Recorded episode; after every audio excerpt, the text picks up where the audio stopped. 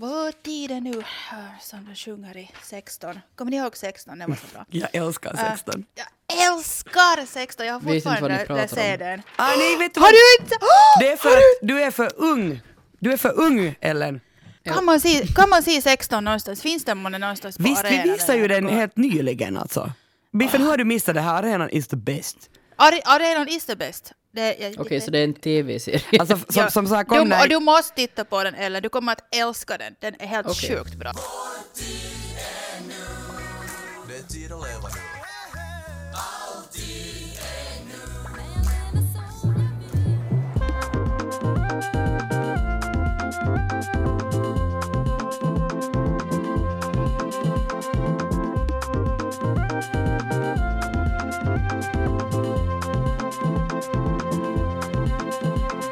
Välkommen till Sällskapet, en kulturpodd med samhällsperspektiv. Sällskapet består av mig, Kia Svetihin, och den här gången så sällskapar jag med Biffen Ahonen och Ellen Strömberg. Välkomna.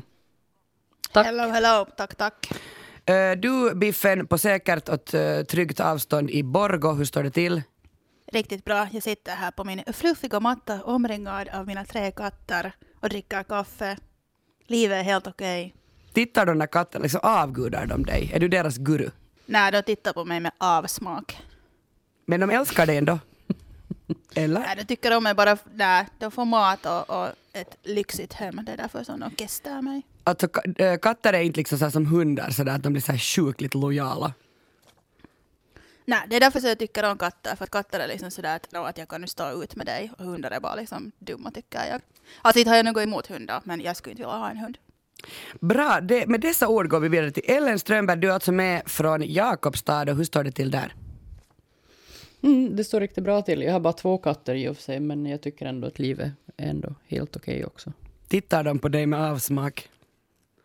De är inte ens här. De vill inte ens vara med De är mig. så obrydda. Så Katter är nog coola, det kan jag ju medge. De är, liksom så, de är så obrydda. All right. eh, vad har ni tänkt eh, prata om? Ellen? Jag ska prata om Clubhouse. Uh, den där nya appen. Mm. Mm. Är, är du och Biffen alls bekant med Clubhouse? Jag vet inte alls vad det är. Perfekt. Jag är helt behalla. Eh, och vad tänker du då, eh, Biffen, prata om? Jag ska prata om The Vanda Black Controversy. Vad nå? Det, äh, äh, det, det, är en, det är en färg, en, den svartaste svarta och sen så blev det lite komiska situationer. Alltså är det någon ny färg? Äh, den är inte så ny, den har kommit ut 2016. Men the feud is ongoing skulle jag säga. Alltså jag visste inte om man liksom så här kunde hitta på nya färger. Men det kan man väl? Kanske det är jag som inte nu hänger med. Äh, det här är inte liksom basically en ny färg utan det är mer ett material, men jag berättar sen. Okej, eh, jag ska prata om Britney Spears. Who else? Jag tänker att, att hon, henne pratar nog alla om nu. Från barnstjärna till tonårsidol till ett nervvrak som får ett sammanbrott som i realtid livesänds. Det här narrativet så skapades och det leder till liksom att Britney Spears blir omyndigförklarad och Jamie Spears, hennes pappa, blir hennes förmyndare. Och Eh, i den här nya dokumentären som jag har sett, Framing Britney, så framställer man eh, aktiviströrelsen Free Britney då, och de vill befria eh, Britney Spears från det här förmyndarskapet. De har alltså själva bedömt att hon är i behov av befrielse. Det, det blir faktiskt ganska oklart att är hon eller är hon inte och efter att jag sett dokumentären har jag liksom lika många frågor ännu kvar men att vi tar det om en stund. Ellen, Clubhouse. Jag har sett att du, Kia, är med på Clubhouse. Så är men det. Biffen, du vet inte vad det är. Nej, jag är helt... Nej. Men har du liksom registrerat, det har pratats ganska mycket om Clubhouse de senaste veckorna? Eller is that, is that just me? Nej, nej, jag, jag, jag har liksom inte, jag har inte riktigt följt med någonting. Vad har jag ens gjort? Vi har haft jättebråttom på jobbet. Jag har bara jobbat, jobbat, jobbat, jobbat. Okej. Jag, jag vet ingenting vad som händer i världen. Ja, ja. No, men i alla fall, eh, jag följer ganska mycket liksom eh, rikssvenska sidan av media och där har det sannerligen exploderat om Club, Clubhouse de här senaste veckorna. Och eh, jag fick då en invite till den här appen för någon vecka sedan, så jag har hunnit bekanta mig lite, så jag tänkte gå lite igenom, vad ska jag säga, för och nackdelar med Clubhouse. Men, ehm, men först kanske jag ska förklara vad det är då. Ja, jättegärna, för den är ju också liksom, vad heter det där när inte alla får vara med? Eh, exklusiv. Ah, exklusiv. Ex, exklusiv. Mm, ja. Ja. Och nu menar Ja, jag inte är någon diss. Ja, Biffe, jag Wow. menar inte någon, någon, någon diss till dig, men, men det där, jag blev ju faktiskt inbjuden. Aj, aj, aj, aj. Mm, Men jag har några inbjudningar kvar, Biffen, så jag kan bjuda in dig om Kan, du vill. kan du bjuda in, eller efter vi har gjort den här, efter vi har, vi har, vi har fått höra Ja. vad du har att säga om det, så vill jag veta att vill Biffen efter det här bli inbjuden? Ja, Precis, så om kan inte göra. så kan vi lotta ut en inbjudan. Ring in på Nej! för det står liksom för evigt vem jag har bjudit in, så tänk om jag måste bjuda in någon som jag inte kan stå för. Det kan jag inte leva med. Ah, ännu mer exklusivt det där tycker jag. Det är en eh, samtalsbaserad app kan man väl säga, eh, där man kan så här, delta eller skapa olika rum, heter det. Eh, och de här rummen är då liksom olika samtal. Och man kan ha ett samtal utan rubrik eller lägga en rubrik och man kan schedule ett, sam eller ett rum då så att man klockan åtta ikväll ska vi prata om det här eller så. Och eh, det som är liksom Alltså det låter ju så fånigt att säga det som är nytt med den här appen, för det är ju ganska liksom att gå tillbaka till någon sån här old school telefon egentligen. Eh, så det är att man bara pratar, det är liksom inga bilder, det är ingen text, man chattar inte, man skickar inte GIFs, alltså ingenting, man bara pratar. Och ingenting liksom spelas in och det är ingenting man kan streama i efterhand, i alla fall inte ännu. Uh, Och man kan liksom delta i vilka, alltså man kan också ha liksom hemliga rum för bara inbjudna, men de flesta rum då är som helt öppna så man kan gå in och ut och liksom kika in så här, jaha, här diskuterar de pros and cons med bitcoins och här diskuterar de, jag vet inte, det är väldigt mycket så här, hur blir man en bra entreprenör, framgång, eh. Sådär. Alltså det är ganska vidrigt. Men det finns också så här jätteroliga samtal. Som, Um, no, men som till exempel, ehm, eh, mitt, en av mina favoriter hittills har varit en diskussion som jag faktiskt deltog i, och, och det var vilket par i Astrid Lindgrens värld är sexigast? Det tyckte jag var... okej men nu vill jag, nu, då vill jag veta, Ja. vilket, vilket tyckte du? Vi kom fram till att det var alltså Alva Madickens, eh, vad heter hon, jungfru, eller typ piga eller vad det heter. Och eh, Sotarn som är gift men är typ lite så här flirtar ganska öppet med Alva. Jo, det är sant. Det är lite pirr Ja. där, pirrig stämning. Mm, exakt. Ja, och det här är, alltså det låter som jättefånigt, men det, det är jätteroligt att prata sån här skit, för att det som är bra med Clubhouse är just att det blir som, att det, de där samtalen som man kanske skulle ha runt ett bord på en bar, på en efterfest, eller liksom sådär, så, så, så händer liksom där, just att det, man kan liksom prata om ganska så här löjliga saker, men ändå komma in på lite djupa saker, och man kan prata om djupa saker, men komma in på så här jätteytliga grejer. Så det jag tycker att det är liksom väldigt så spontant och, och eh, trevligt där. Ellen, Eh, om jag, man ja. jag måste bara fråga, att, att hur gör man liksom, jag har varit med i många, alltså jag har varit med och lyssnat på många samtal. Jag har varit med kanske en och en halv vecka nu i, i Clubhouse. Men jag har inte deltagit en enda gång och i början var jag liksom livrädd för att man skulle se mig eller liksom att jag skulle höra som jag, inte vet jag, går på vä- vässan eller någonting. Som jag alltid gör när jag pratar i telefon. Men, men, alltså, och det, och, men det är ju inte så, utan man måste be om lov för att få taltur. Och så blir man väl accepterad. Hur funkar det? Jo, jo, alltså jag var också jätte typ så här satt och höll andan första gången jag gick in i ett rum, för jag var sådär, hör de mig nu? Nej men jag gjorde helt lika, Men, eh, jag slutade andas. Ja. Men man kan, vara, man kan väldigt lugnt så här segla in och ut i, i rummen utan att någon noterar dig. Om inte det är ett jättelitet rum med två personer, då kommer de antagligen till se att jag har vem är den här Kia som plötsligt så här tittar in. Men eh, man, man måste be om taltur och det är egentligen bara liksom de som modererar rummen och de som har blivit inbjudna på, alltså man kan säga att de här rummen är liksom uppdelade i scenen och publiken. Och det är bara de som är på scenen och blivit uppbjudna dit som kan prata. Men vem som helst kan ju räcka upp handen och det betyder inte att man kanske får prata men det sänker ju ändå tröskeln till att man kanske kan delta i ett samtal med, nå jag vet inte, jag var inne i ett rum här för någon vecka sedan där någon som utgav sig för att vara Zlatan Ibrahimovic var med och alla var sådär ”men är du faktiskt Zlatan? Och kan du bevisa att du är Zlatan?” och det kan man ju inte eftersom man bara pratar. Så, men... eh, Men ja, lät, jag lät alltså- personen som Zlatan? Jo, jo, 100 procent. Jag tror nog att det var han. Jag kommer att Nej, eh, fortsätta mitt liv. Nej men det, alltså varför skulle inte kunna vara han? Det är ju som en massa kändisar som Ja. är med där. Kanye West är väl med. Jag, jag var i med i ett sånt här rum där det var, det var så här att, att why smart people uh, uh, has it so hard to find love. Och det där, det tänkte jag, det passar väl mig då. För Oj, det är jag, därför som jag är singel. jag tänkte det är väl därför jag är singel. Och det är därför jag är gift. Men eh, det blev sen eh, lite, där är lite för många människor som är lite för kära i sin egen röst. Så jag gjorde det Jo. där Leave Quietly, som det, alltså man kan gå, jag vet inte om man kan gå ut på ett annat sätt än Leave Quietly, men jag, går, jag Leave Quietly alla grupper. Man kan trycka på så här Så där som Jo, man gör på efterfester också. E- Eller när man vaknar hemma hos någon morgon så Jag Leave you så Quietly. smyger bakvägen ut ur dörren och stänger väldigt, väldigt försiktigt. Och, och saken är faktiskt den att jag Eh. alltid känner mig sådär som walk of shame när jag så här, leave quietly ut ur vilket rum jag än har deltar i Clubhouse. Fast jag inte ens har gjort något fel. Nej, men det, alltså det är ju det som är, jag tycker det, det som är det bra att man kan liksom, ja, jag har som sällan tålamod att lyssna på ett helt samtal om jag ska vara helt ärlig. Ja, men det här är ju som, som i alla sociala medier, det här är ju ganska i början. Men det är ju som, eh, ja som sagt, det är ju som invites only än så länge, att man måste ha en inbjudan för att få gå med. Eller i alla fall för att liksom komma förbi någon slags kö, tror jag det är. Ehm, och det ger ju också det här att åtminstone ännu för någon vecka sedan så hade Clubhouse liksom en air av exklusivitet och elit och det var väldigt mycket liksom och jag vet ju inte, jag följer ju mest svenska så här mediepersonligheter och journalister och så, typ bokbranschfolk. Men det kändes verkligen som typ eh, som ett mingel på, på bokmässan och det är väl kanske det jag tycker bäst om med det.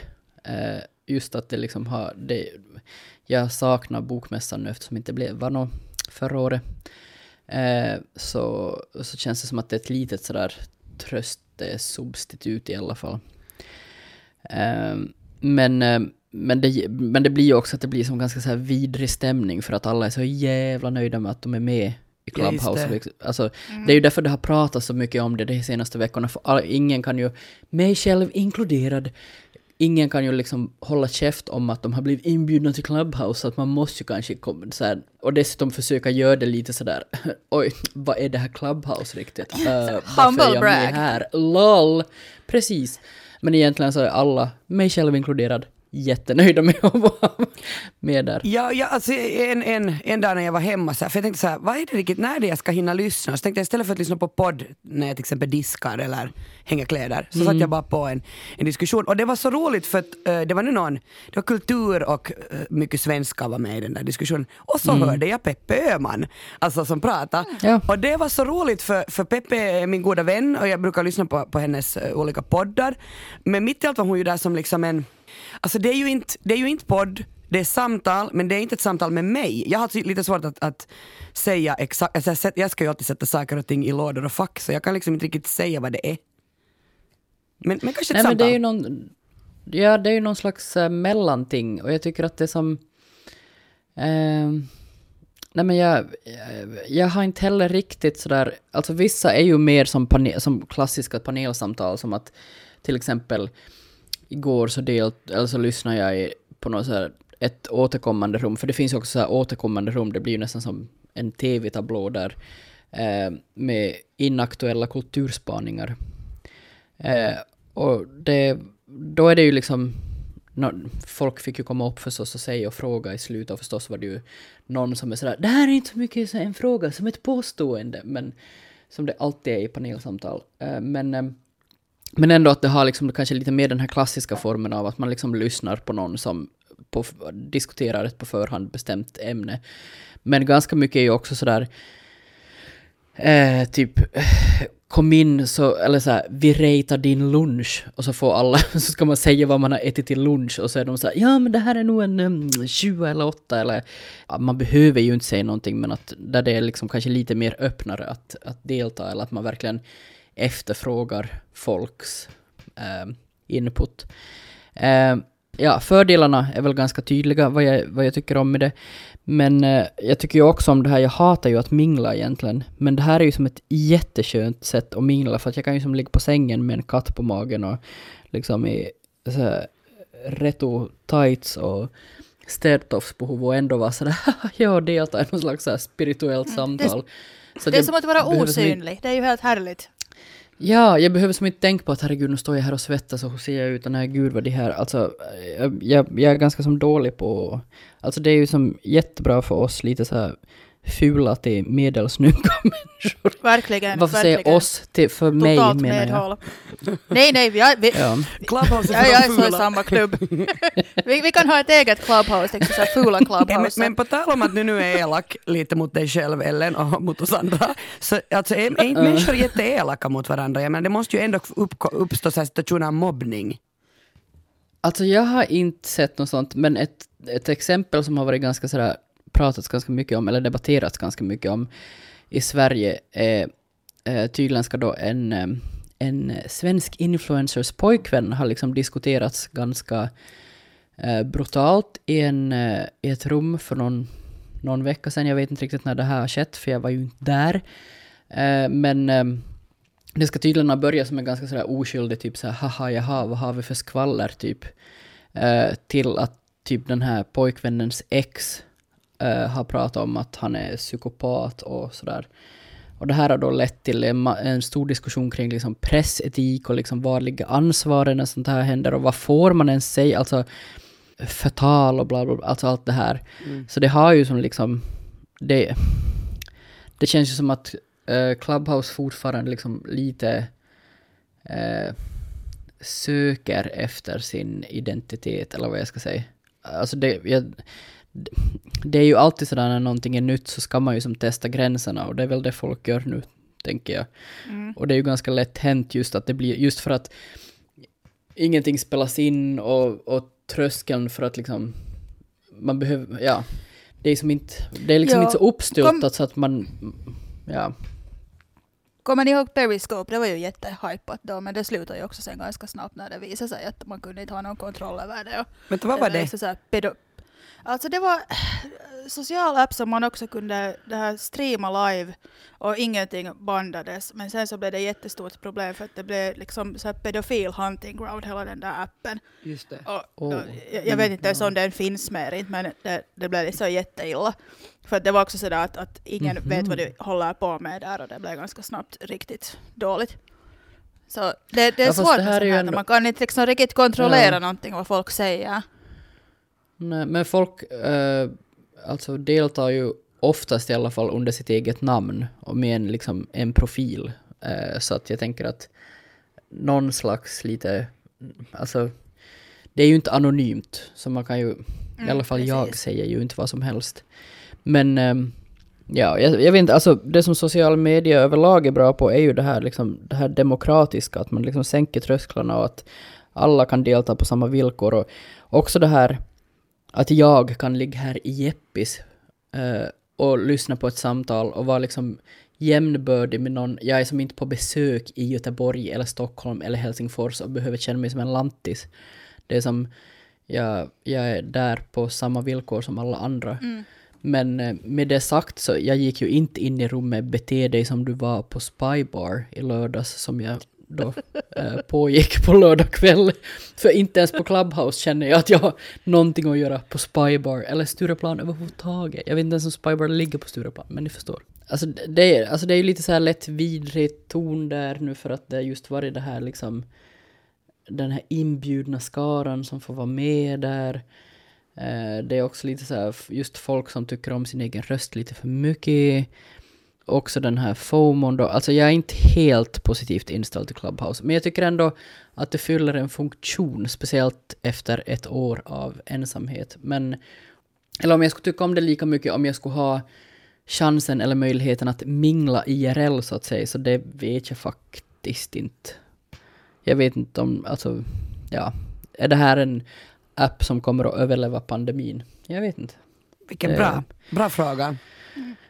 Ja, men eh, plus att för att, för att säga som det är så...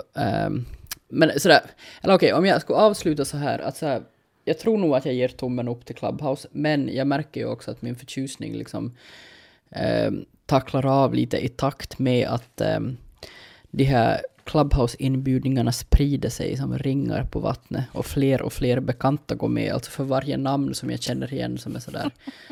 Mm, join Blir du mindre exklusiv? jag- Ja. Ja men precis. Så, Bara eller inte vara med vem mer. vill, nej, vem vill vara med i en klubb som alla är med i? Alltså det är, ja. Ja, bra, bra, bra alltså point faktiskt. Mm. Men med det sagt, jag bjuder gärna in dig.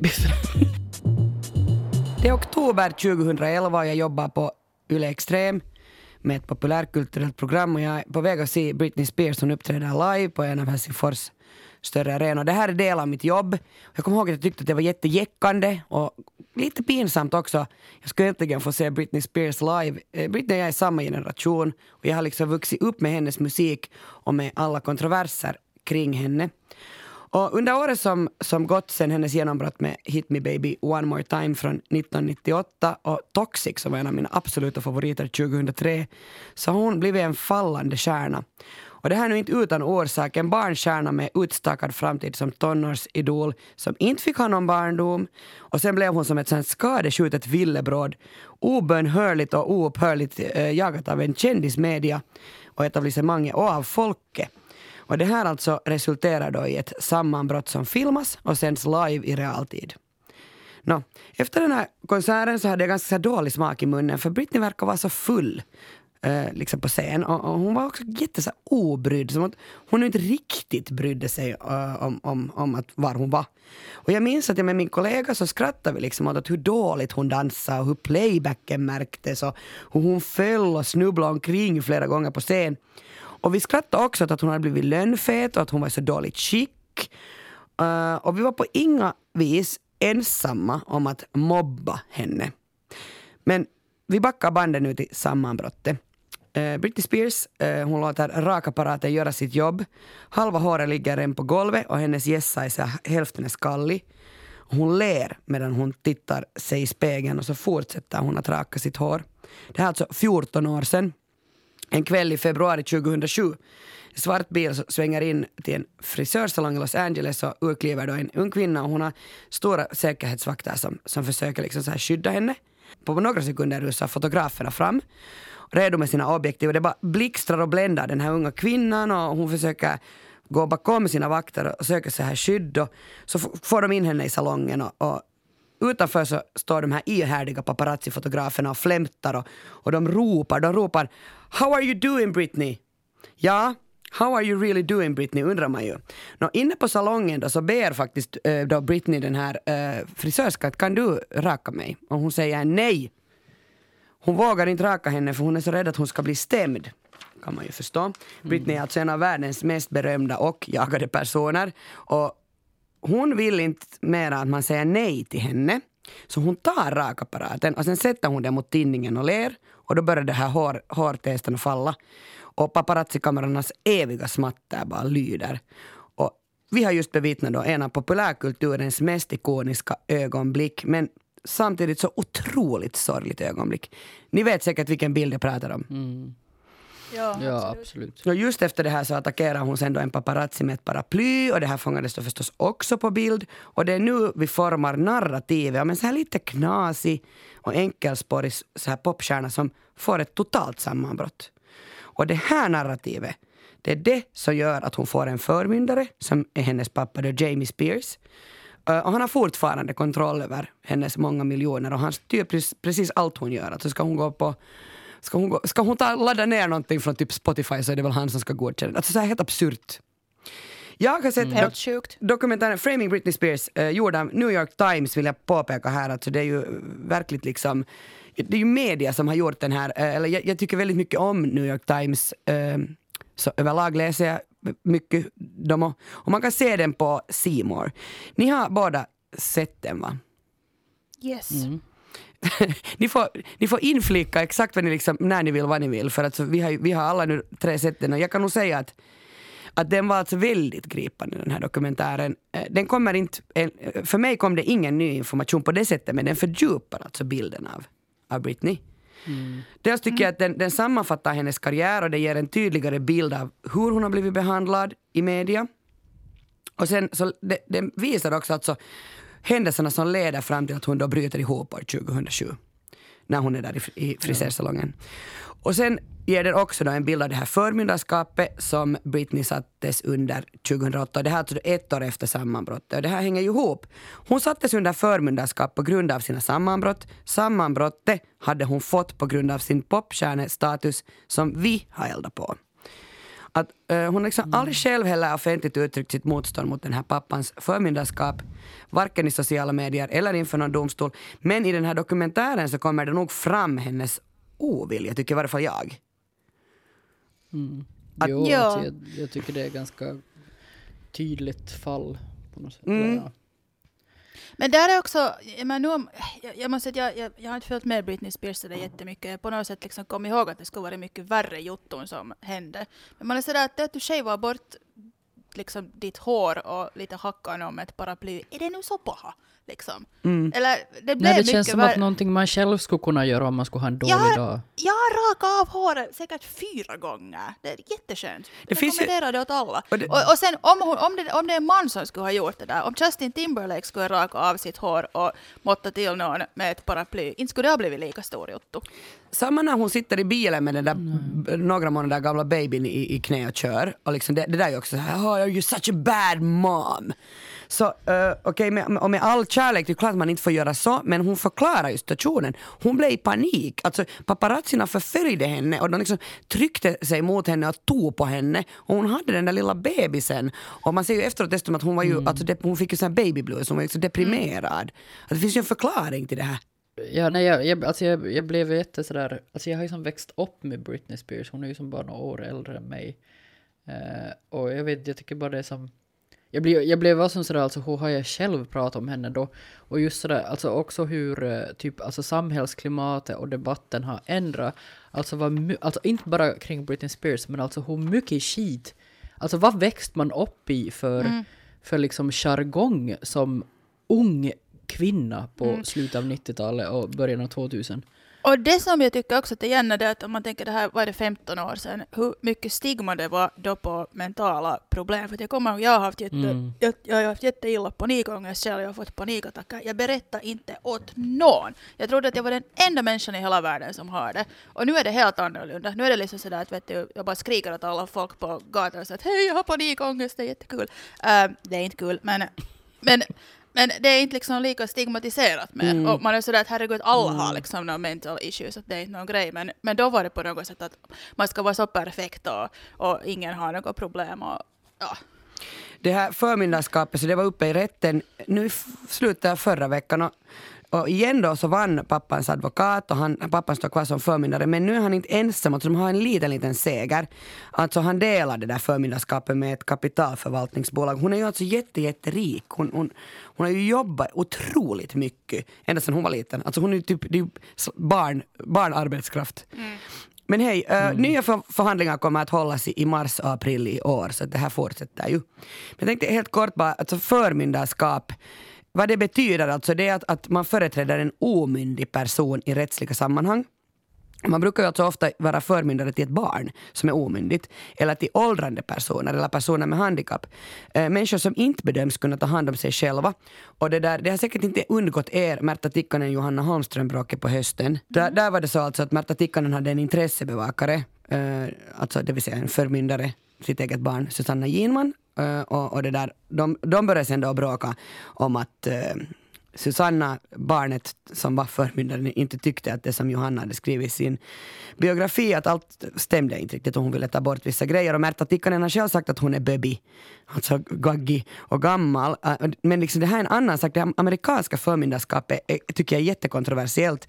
Därför att, för det är ju liksom Britney Spears, alltså det är ju det som fansen ifrågasätter i dokumentären. Varför är Britney Spears under förmyndarskap? Eh, alltså, hon har ju under flera år på 2010-talet haft framgångsrika shower. Hon har släppt album. Alltså varför kan hon inte ta hand om sig själv? Och det är det de frågar. Och, och det där, då undrar man ju liksom, det här tänkte jag, det här får jag svar på i den här dockaren, att är hon fången av sin pappa? Britney Spears omgärdas av olika grupper som skyddar henne. Alltså det betyder att hon har folk som sköter hennes karriär, hon har folk som håller, hon har folk som håller fansen borta från henne. Och, och förstås då någon som sköter hennes ekonomi och hon får inte bestämma själv och det är det som liksom hennes fans har börjat uppmärksamma. Och vi hör ju alltså inte Britney alls i den här dokumentären och vi hör inte heller någon som står eh, henne nära. Och det här tycker jag att vittnar mest i att hur isolerad hon är. Att de säger ju också att de vet inte ens om hon har fått deras förfrågningar. De har förstås, förstås har de bett om intervjuer. Men att de vet inte att, att har, hon, har hon nåtts av dem. Men den här Free Britney-rörelsen, eh, det är alltså eh, de fanserna eh, som vill kämpa för hennes oberoende. Och den har inte alls startat nu, den har startat alltså för flera år sedan. Och det de gör då är att de jättenoggrant så följer de hennes Instagram. Och där försöker de hitta dolda budskap som då handlar om att hon inte mår bra eller hur kan de hjälpa henne? Och, och det där, i Framing Britney så legitimerar man de här fanserna. Man, jag tycker också att man på något sätt där visar att, att de kanske inte hade helt fel. Att i domstolsförhandlingarna som var i november, och det utgör alltså grunden för filmen, så nämns och erkänns det som en viktig del eh, av Britney Spears själv, alltså att, att de här fansen har en viss skillnad. Att det är inte bara liksom konspirationsteorier. Fast det som jag tycker är lite knepigt, har ni varit inne på hennes, eller det har ni väl? Alltså ni följer väl henne på Instagram? Jag följer Nej. inte henne men jag är nog bekant med hennes uttryck på Instagram. Ja. Ja, okej. Så det, Samma. det är liksom, och det, det de, de säger så här att, de här fanserna, Free Britney-fanserna, att eh, hennes handrörelser ibland när hon dansar så tecknar de så här, hjälp mig. Eller att man i hennes lösögonfransar så kan man tyda larmnumret 911. Men herregud. Eh, Vem, Man- vem, skulle, vem skulle ens orka börja potta ihop några lösögonfransar? Liksom, okej, okej. Och sen är det, jag har också hört att, att de inte tror att det är hon som ens gör den här, sin egen Instagram, därför att de påstår liksom att hon ska aldrig använda sån här smiley. Alltså konspirationsteorier. Eh, Alltså det finns ju mer eller mindre galna liksom grejer. Jag tycker, också, jag tycker också att det är någonting som är lite sådär off med hennes Instagram. Men det är ju också, alltså hon är ju, hon är ju som en ganska sådär, eh, hon är ju inte intellektuell. Och hon är inte heller, alltså Britney Spears är ju en ganska sådär typ vanlig såhär småstadstjej från liksom, eh, är hon från Texas, Louisiana, Vilk, någonstans, alltså Ja, något sånt, ja. ja. Eh, så jag tänker liksom att det kanske, alltså hon är, oavsett förmunder eller inte så tror jag att vi också måste komma ihåg att hon kanske inte är liksom, hon är kanske inte den vi någon gång har sett upp till för goda smakråd eller liksom sådär, jag tror inte att hon, mm, alltså vissa kanske är bättre på att läsa vad som är kutym och vad som inte är till exempel på Instagram. Och jag tror inte att Britney Spears är en av dem. Och jag tror att en del av liksom, det hon håller på med där handlar bara om det att hon är typ... Ja, jag vet inte riktigt vad jag ska säga. Ehm, Ja, för mig är den där liksom själva... Alltså hennes, den här, den är nästan som kitsch, den här hennes Instagram-profil. Alltså, eh, det- det- den är barns, alltså naiv form av kitsch. Eh, och, och liksom när hon sätter ut en video så kan hon få liksom, jag såg någon video som hade sett ut för någon vecka sedan, den hade 30 000 kommentarer där de alla typ säger så här Vi vet att det är inte du som styr det här kontot. Jag älskar dig Britney, jag ska, jag ska rädda dig. Eller vi ska rädda dig. Men men det där, den påminner faktiskt de här konspirationsteorierna om, om alltså vadå, Pick Anything, Estonia-dokumentären. De säger ju att den har grundat sig på konspirationsteorier. Pizzagate, QAnon. Alltså jag tycker vi... Av- Avril Lavigne, det finns en konspirationsteori att hon har dött flera år sedan och att det är någon annan som är den Avril som vi ser idag. Och jag säger nog så här att om du på riktigt vill hitta koder och hemliga budskap i till exempel då Britneys Instagram, så då hittar du det. Ögonfransar, precis. Ja, alltså jag har också ju nu, nu, nu just kollat de här vaccinkrigarna som finns på arenan och, och den handlar Oj ju om- gud, jag tittade också på den igår. Åh, åh! handlar ju om anti-vaxxers. Och, det där, eh, och då tänker jag faktiskt så här, man får ändå inte avfärda alla som inte tycker som en själv med att de är galningar. Och nu vill jag sätta en brasklapp här, jag älskar vaccin och har alltså vaccinerat mig helt för mycket i mitt liv. Men, men jag tänker ändå så här att helt vanliga människor som, som liksom lämnas ensamma, alltså jag tänker nu på antivaxxers, och, och känner att de inte får hjälp från sjukvården och inte får svar på sina frågor och inte blir sedda, det är då, så när man är så här sjuk och jätteorolig och desperat, så ja, man gör ju vad som helst för att få en förklaring som passar en. Alltså man har ingen källkritik då. Att jag tycker man måste bara komma ihåg det, alltså a.k.a. varför får vi inte veta hur Britney mår? Vi söker oss till alternativa svar och när samtiden är, så här, samtiden är så splittrad som den är nu så söker vi liksom tillhörighet och begriplighet. Och liksom majoriteten av sådana här rörelser, så de betraktar ju sig själva liksom som helt unika individer, inte en del av ett kollektiv. Och de betraktar sig som att de fattar omvärlden bättre än vi. De berättar till oss hur det är. Mm. jag tycker liksom det största problemet är, alltså jag tycker också att, jag, jag förstår inte heller, alltså jag, jag ifrågasätter verkligen varför Britney Spears har en förmyndare och jag tycker att det är ett ganska sjukt system att en vuxen frisk kvinna ens kan ha det oavsett hur dålig hon är med, sina, med sin privatekonomi eller whatever. Men, eh, men jag tycker liksom att problemet med den här Free Britney-rörelsen är ju kanske att Britney fortfarande bara är ett objekt för oss att leka med. Hon är liksom, hon tillåts aldrig vara subjekt även om den här Free Britney nu eh, rörelsen liksom handlar om att, att, att se henne som människa eller person, men det är ju just det folk inte gör heller. Alltså hon är ju fortfarande bara en symbol eller liksom en, en leksak för någonting. Jag tycker att hon borde få liksom vara... Hon borde liksom fria sig från Free Britney också. Alltså jag Just tycker det. att hon borde i det här, vad heter det, Män som hatar kvinnor. Alltså Lisbeth Salander har ju en förmyndare i början av de här eh, Millennium-trilogin. Och jag tycker att, jag hoppas att Britney ska göra någon slags så här Lisbeth Salander och bara typ, eh, ja, jag vet inte, ta Mörda dem. någonting i sina egna händer. Jag skulle säga mördare, Lisbeth Salander mördar. Okej, nå, nu ska jag väl kanske inte uppvigla till mord det här, men alltså... Nej men jag förstår vad du jag menar. hopp- ja. Ja. Jag måste säga att du, eh, du nämnde det här, eh, Ellen, här tidigare, men alltså det som jag ju Liksom där, där det slog mig hårdast den här dokumentären är nog faktiskt det här att, nej, här, det, det finns ju massa stora stjärnor alltså som skrev så här “We are sorry Britney”. Att en våg av, av kändisar uttrycker sitt stöd. Courtney Love publicerade en stor svart ruta där stod det så här “We are sorry Britney”. Och, och det där, de ber liksom Britney om förlåtelse för hur hon har blivit behandlad under alla år och för att man aldrig tog henne på allvar och för att man drivit med henne och man har liksom skämtat om henne och, och liksom alla de här memes som finns på nätet om henne. Att liksom, hon har blivit så hårt åtgången, både av paparazzis men i synnerhet också av media. Eh, eller så här, paparazzis och media tycker jag nu kanske är lika brutalt. Eh, och liksom, tänk så här, hon skulle vara sexsymbol, så här, någon och sen samtidigt skulle hon också prata om hur religiös hon var och att hon var oskuld. Eller liksom någon Justin Timberlake som var hennes pojkvän och gjorde någon sån här Cry Me a River som är sån här slut-shaming-låt om henne. Det är, och den där videon är ju så paha. Det, Okej, måste säga, han har ju bett om ursäkt eh, nu Ja. när den här dokumentären kom, men ändå, ja, men det är ju bara för att save face. Jag menar herregud. man sa att åh, nu måste jag be om ursäkt. Liksom. vi kan cancella honom. Uh, nej. Men jag har liksom följt Britney Spears jag, som, sedan början, alltså sedan hon var ett barn. Och jag har så dåligt samvete hur jag har behandlat henne. Alltså, jag själv. Jag har alltså skrattat så mycket åt henne. eh, och jag har låtit mig själv, kanske det värsta, jag har låtit mig underhållas av alla händelser om och kring henne. Det är jättelätt att håna en person vars uppgång och fall sker helt för öppen ridå på något sätt. Att, alltså, Alltså jag, jag måste säga det bästa med den här dokumentären är att den faktiskt synliggör alla de här hemska frågorna hon också har fått svara på. Alltså trycket hon har fått utsätt, hon har utsatts för. Att, att man sitter bara där med sin skäms, med sin egen, liksom, skäms för sig själv tycker jag. Mm.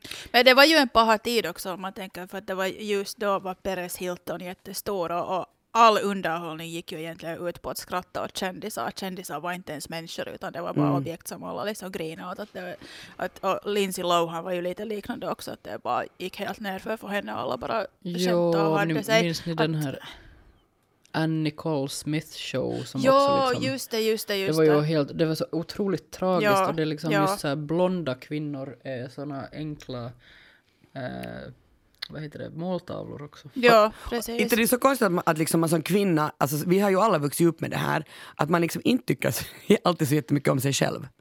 Och det här, är liksom för, det här är det man omges av. Jag, jag tvivlar faktiskt på att Britney Spears någonsin blir en, en fullvärdig juridisk person igen. Men förstås hoppas jag att jag har fel. Hon har avhumaniserats hos paparazzis och hos oss under så många år så jag förvånas inte över att hon nu är helt tyst. Men med den här dokumentären i färskt minne så faktiskt säger jag också som du Ellen sa här att jag undrar om hon nu inte bara byter ett för, förmyndarskap mot ett annat. Vi fortsätter ju att behandla henne som en liksom, symbol eller metafor. Alltså för det första så måste jag ju inleda det här med att tacka Magnus som har skickat fanmail åt oss och vi blev jätteglada.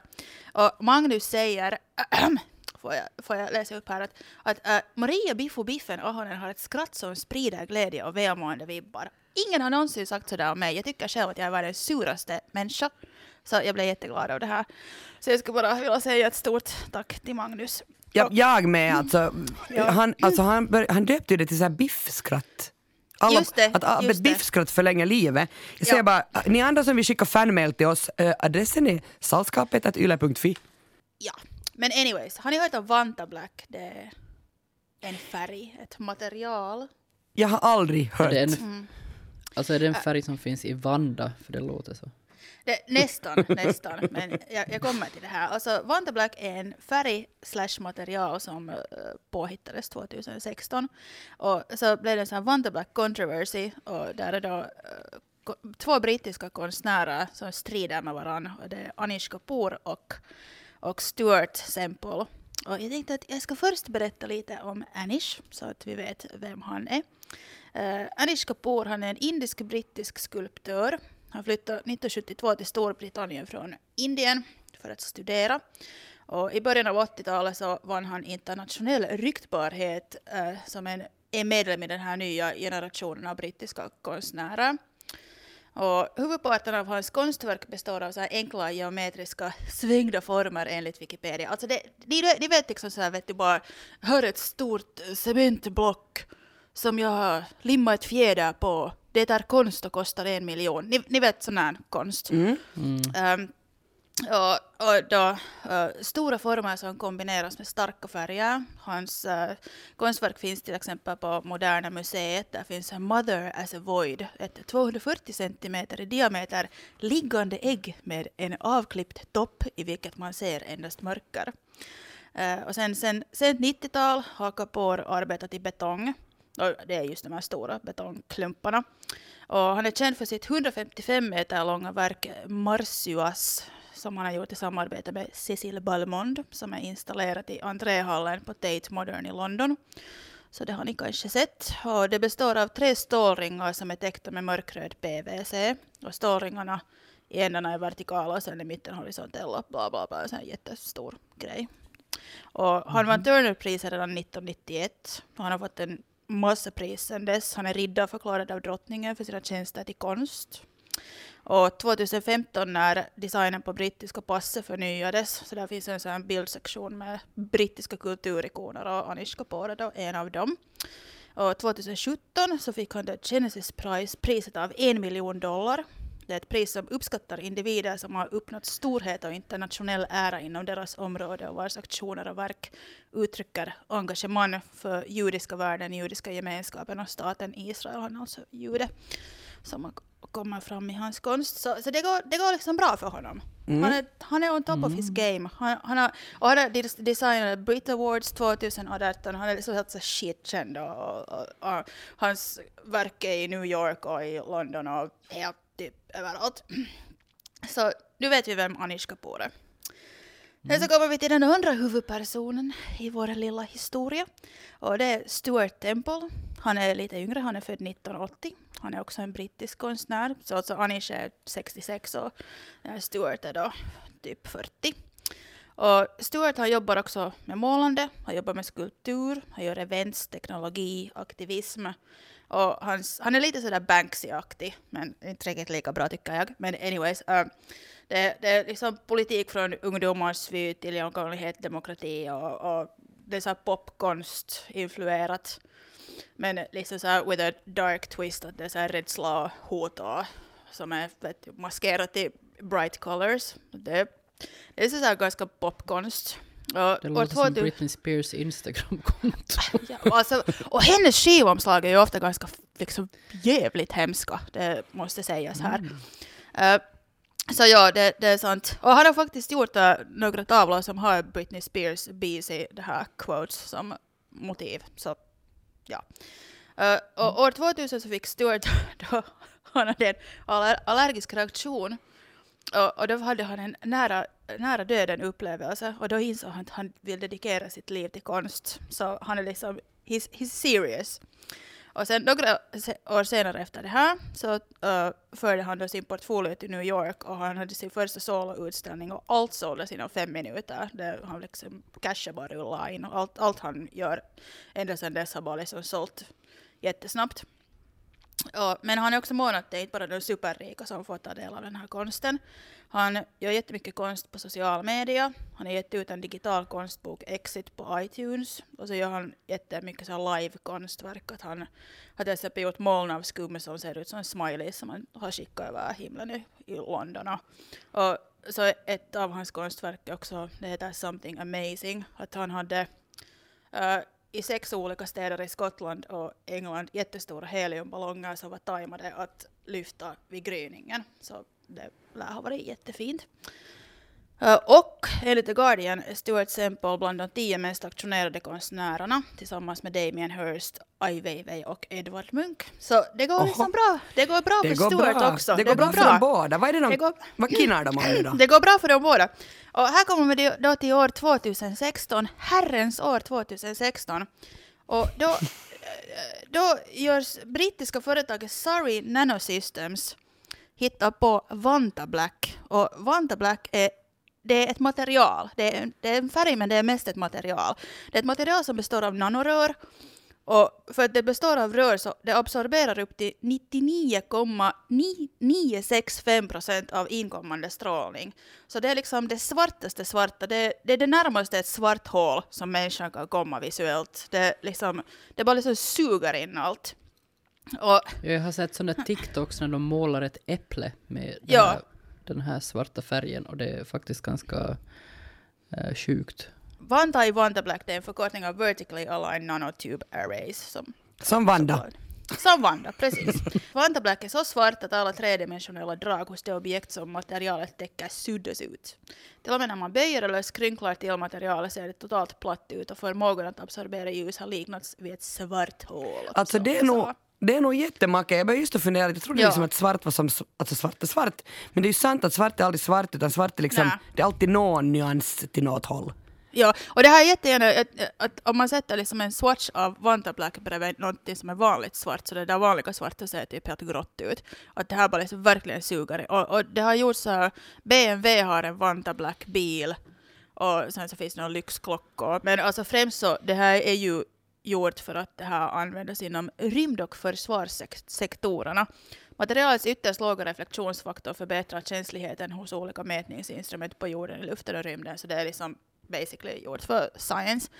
Men det är ju liksom så sjukt mycket, så sen när det här kom ut så hela konstvärlden var ju sådär att oh, the possibilities are endless. Jag kommer ihåg när jag läste om det här, jag var också hoppas att herregud, jag vill liksom typ måla hela min lägenhet i Vanta Black. Det här är liksom best ever. Så kan jag bo. Alltså vet ni vad? Vet ni vad? Alltså det är så härligt. Äh, en- min, min före detta sambo, inte Max, äh, en annan, jag har haft många, haha. Äh, så när han var ung så, så han hade köpt The Smiths, den här Queen is Dead-skivan som är jättedeprimerande och sen målade han hela sin lägenhet, liksom golv och tak och allt svart. Och så låg han bara hemma och lyssnade på den där skivan. Och sen när hans hyresvärd fick fast honom för det så fick han få ut från den där lägenheten och han betalade jättemycket skadestånd för att ha liksom förstört den. Och, så anyways, alla var så här sjukt intoga att hej, vilka möjligheter att du kan liksom måla svarta hål överallt. Och då, då svepade Anish Kapoor in. Och han köper, han vill köper rättigheterna till den här färgen. Att han är den enda människan i hela världen som får använda den till konst. Hur kan de, alla- va- men hur kan ja. de sälja den åt, vadå? Ja, då han är så, Så är det jävla Amish rik! Kapoor som är på TikTok nu då? Säkert. Så han är liksom så, han är så jätterik och, och han är så att nej men inte är sådär att jag ska liksom sådär att, att det är ett samarbete. Man säger det är inte ett samarbete, du är en jävla douche, det är vad du är. Vilken douche faktiskt. Vilken alltså. douche! Liksom riktigt, riktigt douche. Och alla var helt liksom supersura. Och här är liksom till exempel konstnären Christian För, han hade planerat en jättestor det här eh, konstgrej då baserat på den här färgen som han skulle dona genast när den kommer ut. Men sen så sket det ju på sig och han, han säger att, att, att han har aldrig hört talas om en konstnär som monopoliserat ett material. Alla de bästa artisterna har haft en sak för rensvart, Turner, Monet, Goya. Denna svarta är som dynamit i konstvärlden. Vi borde kunna använda den där inte rätt att den tillhör en man. Och det är ju liksom... Vem har han köpt det av? Jag förstår Alltså han, inte. har- Alltså, han, har, han har köpt det av det här Surrey Nanosystems. Så han har köpt rättigheterna och de har antagligen, vet du, det är så här tekniknördar som antagligen var så att "Åh, de betalar jättemycket pengar åt oss så vi behöver inte göra något härligt. Så, för att jag menar, han är ju svinrik så ja, men det är helt löjligt. No, anyways, så då han köpade upp de här rättigheterna och alla är helt liksom jätte, jätte, jättesura och så en av dem som som är helt supersura på det här är den här Stuart Semple. Han blir galet irriterad, han vill tillbaka åt Kapoor. Så, så han tillverkar och ger ut the pinkest pink, den mest rosa färgen i hela världen. Och den här färgen är tillgänglig åt alla utom Anish Kapoor. När du köper den här färgen så måste du kunna bevisa att du inte är Anish Kapoor eller på något sätt associerad med honom. Och Semple säger att, att vi kommer alla ihåg som barn i skolan när att det fanns några typer som inte ville dela med sina färgpennor och sen hamnade de på egen hand utan vänner. Det är coolt Anish, du kan ha din svarta, men resten av oss kommer att leka med regnbågen så han är liksom såhär fuck you Anish. Och sen har Semple också utvecklat Black 2 och nu senare Black 3 som är nästan lika svarta som Vanta Black. Oh. Och, då, och då, de är dessutom akryler så de är lättare att använda än det här Vanta Black-materialet. Och, de är, och sen så har han också utvecklat det glittrigaste glittret Diamond Dust som är gjort av krossat glas. Och såklart är de här också förbjudna att användas av Kapoor. Och jag tycker att sen Stuart Semple han, han har en sån här lyxig konstnär, konstmaterialaffär Culture Hustle i Mayfair i London som han öppnade några år sedan. Och utanför den här butiken står det en vakt vars enda jobb är att se till att Anish Kapoor inte kommer in i den här butiken. Och de har en bild på Anish Kapoor och liksom så här krux över och liksom så att du får inte komma in hit. Uh, men, men tyvärr så gick det nu så att Anish ändå fick tag på det här Pinkest Pink. Och, och han, han, han postade en bild på sin Instagram och att han har dippat sitt mittfinger i den här färgen. Så nu, ja. Okej, så. alltså, alltså the fight is on! The fight is on! Och, och sen är det så att, vad har vi lärt oss av det här? Det ingenting. Men jag tycker att det är jätteroligt när vuxna män strider och jag tycker att de båda verkar vara liksom så att de har inte riktigt humor. Att om du till exempel, jag var först så okej okay, Stuart, you're a good guy, men sen så gick jag bild-google honom och man är liksom så att oh, okej okay, du har ingen humor du heller liksom. Det, nej. Så Fast de, de är bara liksom så är här otroligt roligt att- petty.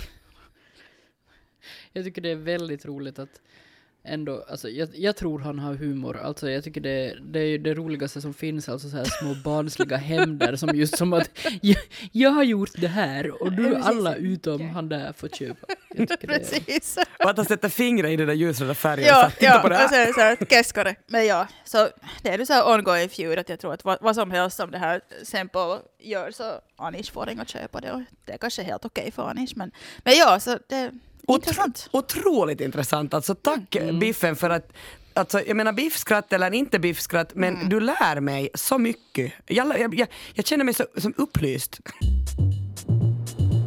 Jag frågar varje vecka att eh, har ni någonting så här i kulturväg ni inte kan släppa? Och eh, eftersom eh, du Biffen nu har pratat länge så tänker jag säga Ellen, vad har du?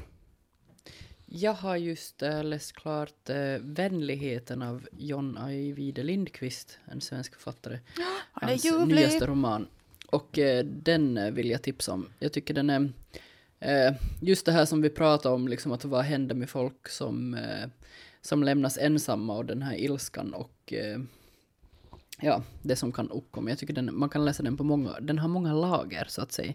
Det handlar om, eh, om eh, ett samhälle där vänligheten sådär försvinner lite successivt. Eh, jätteintressant. Men jag måste fråga då, för jag alltså klarar inte riktigt av att läsa Ajvide Lindqvist. Eh, för att jag tycker att det liksom, jag tycker inte om sådär när det, det är skräck lite, eller vad? Jo, men, men alltså jag tycker inte att det är inte så skräckigt. Alltså jag är också jättemörkrädd och jag tycker inte alls om skräckfilm. Alltså det är inte på det sättet. Det är mer liksom sådär, det är mer som sådär makes you think. Vad Okej. skulle hända om? Alltså ja, nej jag tycker nog man bra kan läsa det och, även som mörkrädd. Jag suktar faktiskt efter någon bok. Jag har liksom, jag har inte, jag har inte riktigt nu, jag, har inte, jag har ingen bokflow, så nu ska jag lyssna på den här tror jag. Mm. Eh, vad Biffen eh, har du för tips eller någonting du inte kan släppa den här veckan? För det första, Ellen, härligt tips. Jag älskar John Ajvide. Han är helt sjukt bra. Eh, mitt tips är eh, lite in i framtiden. 26 i andra släpper Iso sitt nya album som heter Amelia. Och det är ett konceptalbum som handlar om flygaren Amelia Earhart. Och den är väldigt bra, så alla ska ta och lyssna på den när den kommer ut. Nu vet jag ingenting om den här Isa, alltså vem är det? Uh, hon har varit i Regina uh, bandet och det här är hennes tredje soloskiva nu som släpps. Och det är liksom så här eterisk indie-pop. Hon är väldigt jättebra. bra. Om du älskar Ja. Ivide Lindqvist så älskar jag henne. Hon har varit här i Jeppes och spelat någon gång. Mm, ja, Okej. superbra. Gud vad bra tips! Hörni, uh, allt roligt tar slut. Jag säger tack till Ellen och tack till Biffen för sällskapet. Tack. Och vi, ta, vi talar ju så gärna med er kära lyssnare. Som sagt, mejla oss på sällskapet.yle.fi om ni har något att påstå. Alla referenser och hänvisningar hittar du i avsnittsbeskrivningen på arenan. Nästa vecka sällskapet är med Tuuli Heinonen och Peter Alfakir. Vi hörs, hej då!